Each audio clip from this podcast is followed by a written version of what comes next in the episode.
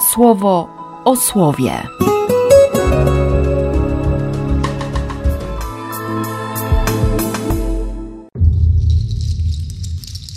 Dwudziesty dziewiąty lipca, czwartek.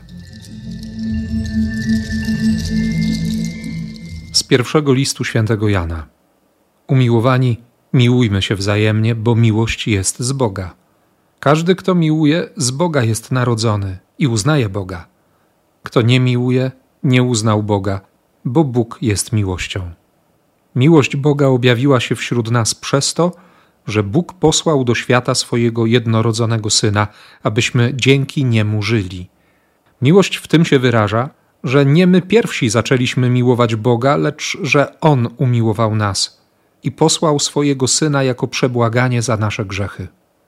Umiłowani, jeśli Bóg nas tak umiłował, to i my powinniśmy miłować się wzajemnie. Boga nikt nigdy nie widział. Jeśli miłujemy się wzajemnie, Bóg w nas przebywa i Jego miłość jest w nas pełna. Po tym poznajemy, że w Nim jesteśmy, a On w nas, że użyczył nam ze swojego ducha. My widzieliśmy i zaświadczamy, że Ojciec przysłał swojego Syna jako Zbawiciela świata. Ktokolwiek przyznaje, że Jezus jest Synem Bożym, Bóg w nim przebywa, a On w Bogu. My również uznaliśmy i uwierzyliśmy w miłość, którą Bóg ma w nas. Bóg jest miłością.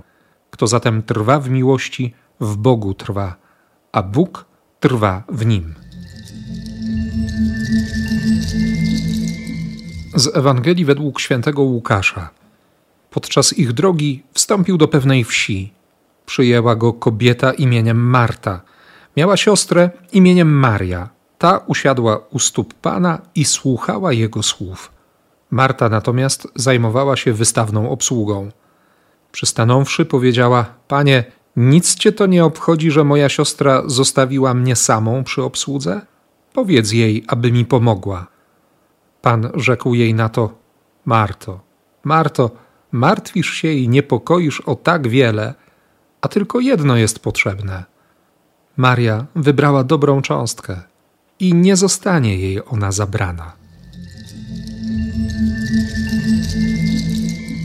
Miłość w tym się wyraża, że, że to nie my pierwsi, lecz że On, że tak ukochał i udowodnił to, dając życie syna za nasze życie, za Twoje, za moje życie.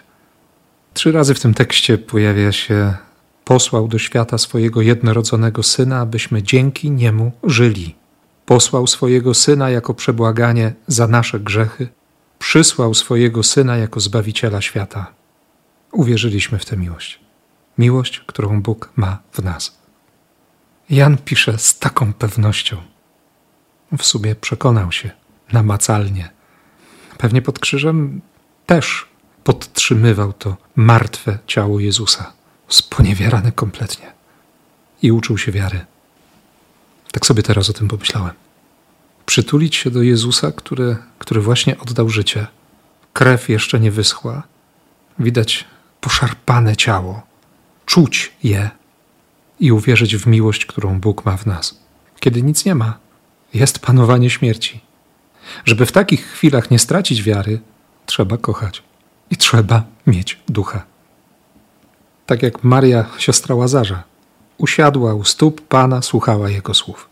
Marta zajmowała się wystawną obsługą, choć to wcale Jezusowi nie było potrzebne. Jej siostra wybrała tę dobrą cząstkę i nie zostanie jej ona zabrana.